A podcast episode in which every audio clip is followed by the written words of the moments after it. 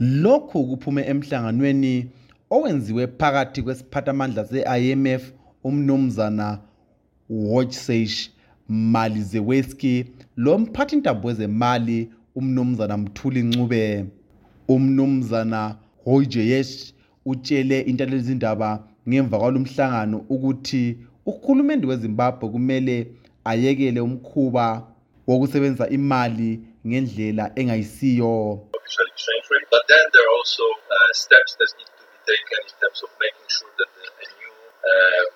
monetary and exchange rate framework uh, is in place and that this framework promotes the main goal of macroeconomic stability. So our discussions were also uh, covering uh, this area. Uqhubeke sithi umnotho weZimbabwe usebunzimeni kodwa ulakho ukuthuthuka ngenxa yemisebenzi yokulima leyokwemba amatshe aligugu uthi njalo imali ethunyelwa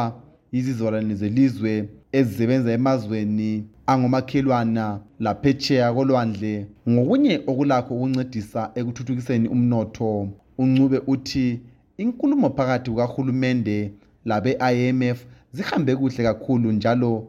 bayemukela inkuthazo lamacebo abawatholileyo sesixoxe ngokunengi eh, asiqalisanga namhla silesikhathi i-imf ibe lapha okwamaviki amanini ikhala into ezitshiyeneyo okokuqala ukukhangela ukuthi imali yethu iqine singayiqinisa njani ibe esithi yi-stability sixoxile zonke savumela ukuthi hatshi kumele sizame ukuthi siqinise lathi siyavuma ke sikwenza sasesikhangelwa okunye futhi ukuthi uhulumende lathi nxa esenza eh, ama-programs akhe akwanise ukuthi aku- lokhu akwenzayo akubhadalele ngemfanelo kungabi lokunye okuyabe kuphandle sizakuhle ukubhadalela lokhu esithi khona ngesilungu living within our means ingcitshi zezomnotho zithi loba nje ukukhanya umnotho welizwe udonsa nzima kubalulekile ukuba uhulumende afunde ukusebenzisa imali ngemfanelo njalo aphungule inani labaphathi intambo bakhe ukuze alondoloze imali enye yalezi ncitshi ngumnumzana rejoice ngwenya osebenza lenhlanganiso ye-coalition for market and liberal economics othi udubo olukhona yikuthi uzulu kasamthembi uhulumende wezimbabwe lo lendaba ledwaba ledaba lwemali ukuswelakala kumbe ukusilela kwemali yangaphandle eh liqiniso ukuthi uhulumende wethu hayi umhulumende wakhona mkhulu kakhulu abaphathi ntambo baningi kumbe bangamashumi amabili amahlanu eh ilizwe elincane kangaka eh umunotho wethu eh ungulutshwane lokhu khulunywa ngama 4 5 billion so ukuthi liqiniso ukuthi nxa befuna ukuthi eh kungabi lenkinga kumbe ipressure eba khona eh kumali yangaphandle kwelizwe ama US dollars bayafanele ba be be bazama ukuthi uhulumende wabo abe mlutshwane eyinye ingcitshi ecubungula ezomnotho osebenza lenhlanganiso eyecenter for disability zimbabwe umnumzana masimba kutshera laye ukhala ngokungathembeki kukahulumende